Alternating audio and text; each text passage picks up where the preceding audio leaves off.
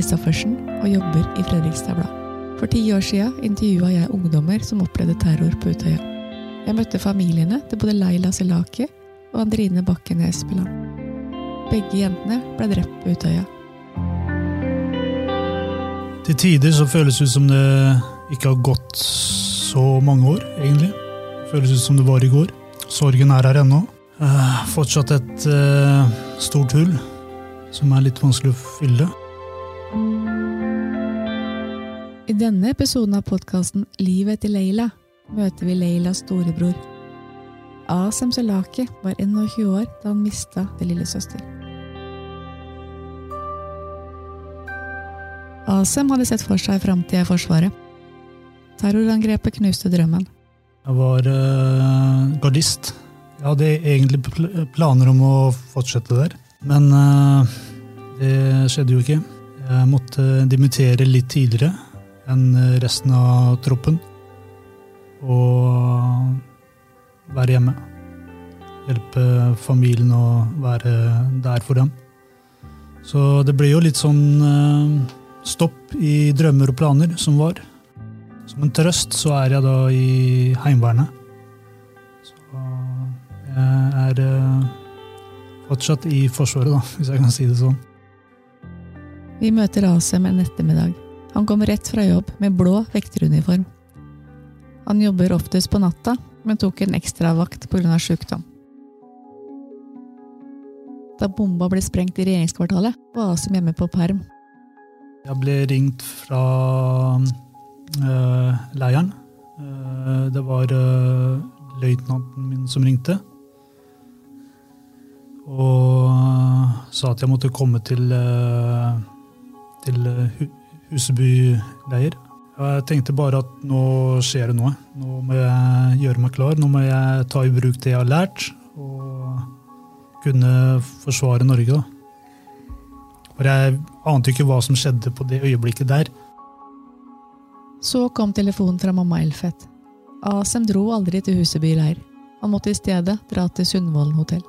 Mye følelser. Jeg hadde aldri hatt de følelsene før. Jeg var uh, livredd for uh, søstera mi.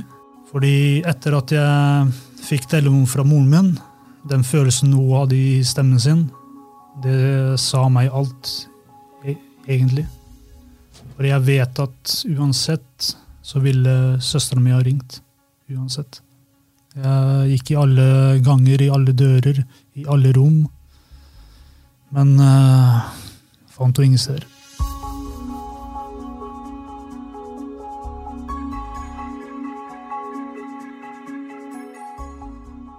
Asem bar Leilas kiste fra minnestuen i Borgerkapell til den muslimske delen av gravlunden.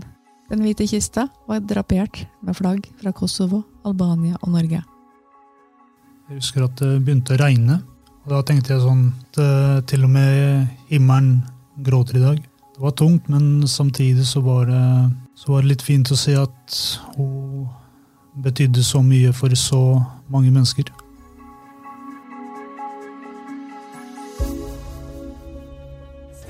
Men jeg vil bare klage, hvorfor ikke meg? Hvorfor tok han deg?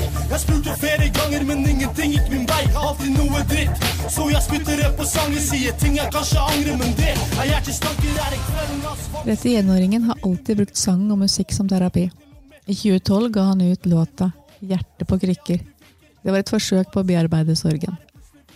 Den sangen Det var veldig mange forskjellige følelser i den. Eh, Jeg var frustrert. Jeg var såra. Jeg var uh, fullt med aggresjon. Jeg har brukt alltid musikk som en uh, terapi for å få ut mine følelser. Da. Hjertet mitt var skada. Det var uh, i stykker. Og visste ikke helt åssen jeg skulle være på det. Så krykker pleier å hjelpe når man er litt skada.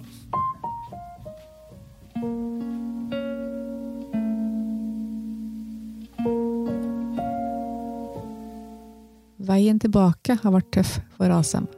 Eh, Jeg trener eh, til daglig på TX kampsportsenter under Anders Blomberg. Og Anders han har eh, hjulpet meg veldig veldig mye. Og den gjengen som er oppe på TX, det er en fantastisk gjeng. Det har vært en veldig, veldig viktig faktor, hvis jeg kan si det sånn, på bedringens vei. Storebroren har nå fått en ny drøm om framtida. En drøm han håper kan bli realitet om noen få år. Jeg ønsker også å kunne hjelpe ungdommer. Jeg ønsker å starte mitt eget sted og være til hjelp, egentlig. På den måten. I en fersk undersøkelse kommer det frem at søsken av de drepte på Utøya føler seg ensomme. De ble også omtalt som den glemte gruppa. Asem kjenner seg godt igjen. Han har følt mye på ansvaret. Jeg har jo ingen som er eldre enn meg, så jeg har jo følt meg litt ensom på den måten der, hvis jeg kan si det sånn. Jeg har jo selvfølgelig fått støtte fra min mor, fra min far og mine brødre osv. Men uh, fra staten nei, egentlig ikke.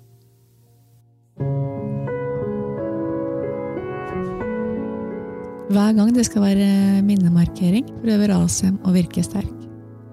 Men hver 22. juli føles som den i 2011. Jeg forbereder meg til en, eh, til en eh, ny 22. juli, hvis jeg kan si det sånn. Det er akkurat som om jeg er tilbake i 2011. Forbereder meg til å føle de følelsene igjen.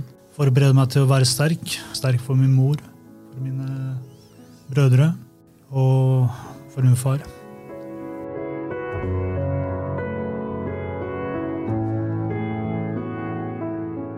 Ti år etter sliter Asem fortsatt med å forstå. Hvorfor? Hva var uh, grunnen? Fikk du det du lengta etter? Var det det du ville, liksom? Smilet fra gjerningsmannen har brent seg fast. Jeg fikk faktisk øyekontakt med han. Og han uh, smilte, smilte til meg. Og jeg vet at han eh, i det øyeblikket der så visste han at hvem jeg var.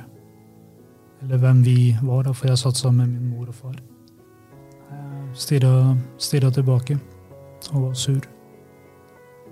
Og ja, satt der. At Norge sto sammen mot terroristen, ble en trøst. Jeg føler jo støtte fra alle som jeg møter, men det var eh, den kjærligheten som var rett etter 22. juli, det var litt annerledes. Den var litt varmere. Så det er jo kanskje fortsatt kjærlighet, men litt, kald, litt kaldere, hvis jeg kan si det sånn. Asem er aldri redd når han er ute på jobb om natta. Han er glad i byen han vokste opp i, og kjenner mange. Det hjelper at folk vet. Denne ettermiddagen går vi bort til minnesmerket i parken, før han skal hjem til kona. Hvordan er livet til Leila blitt for storebror Asam? Litt Det går litt enklere, hvis jeg kan si det sånn. Man lærer å, å kjenne sorgen. Man lærer å kjenne lengselen. Man lærer å kjenne tapet. Følelsen lærer man aldri å kjenne.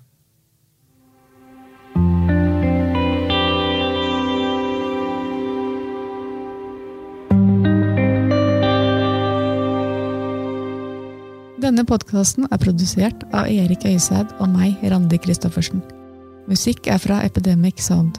Du finner flere episoder av Livet etter Leila på fp.no og der du hører podkast.